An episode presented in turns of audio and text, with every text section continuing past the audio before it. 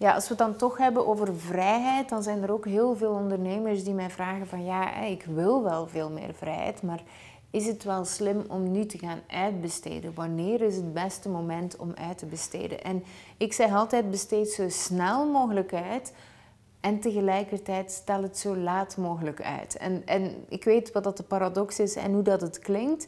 Ik denk dat het interessant is om in eerste instantie te gaan kijken naar je bedrijf en eigenlijk te gaan kijken hoe, waar dat er eigenlijk veel meer automatisatie mag inzitten. Waar doe je steeds opnieuw repetitieve taken en bestaat daar een automatisme voor?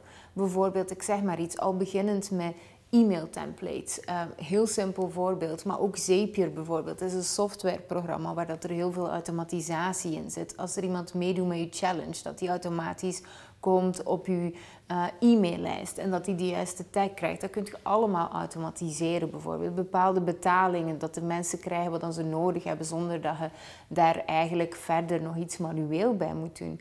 Maar ook... Um, zijn er voldoende processen? En dat wil zeggen, want hè, jij kunt wel gaan uitbesteden, maar als jij nog manueel gaat moeten uitleggen aan die mensen, of zelf één iemand, wat dat die persoon allemaal moet doen, die persoon gaat zeker in het begin ook vaker moeten terugkijken naar um, uh, wat was dat nu weer?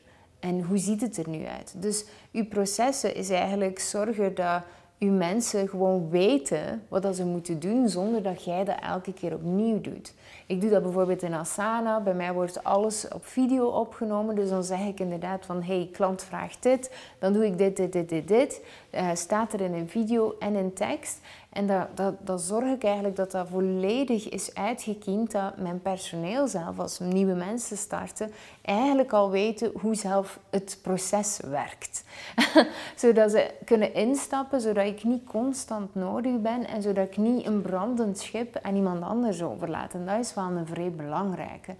Um, tegelijkertijd hebben we vaak dingen die we mogen elimineren. Dingen die eigenlijk helemaal niet nodig zijn.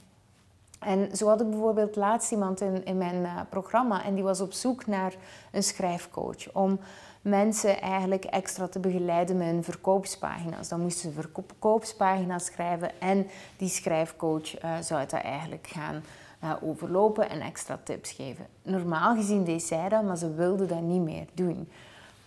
Ja, interessant, maar dan word je dus weer afhankelijk van iemand. En hoeveel interessanter is het dat er eigenlijk een soort extra leerplatform is, waar dat ze echt leren hoe dat zo'n verkoopspagina eigenlijk goed in elkaar zit. En dat er daarnaast interactieve oefeningen zitten, waar dat ze elkaar gaan bevragen of zelf feedback gaan geven in de groep.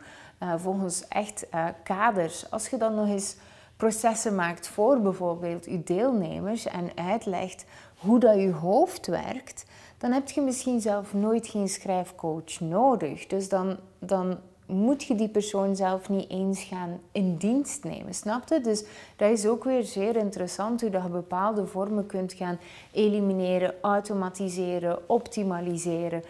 Um, en, en dat is wat ik eigenlijk bedoel met wachten zo lang mogelijk mee.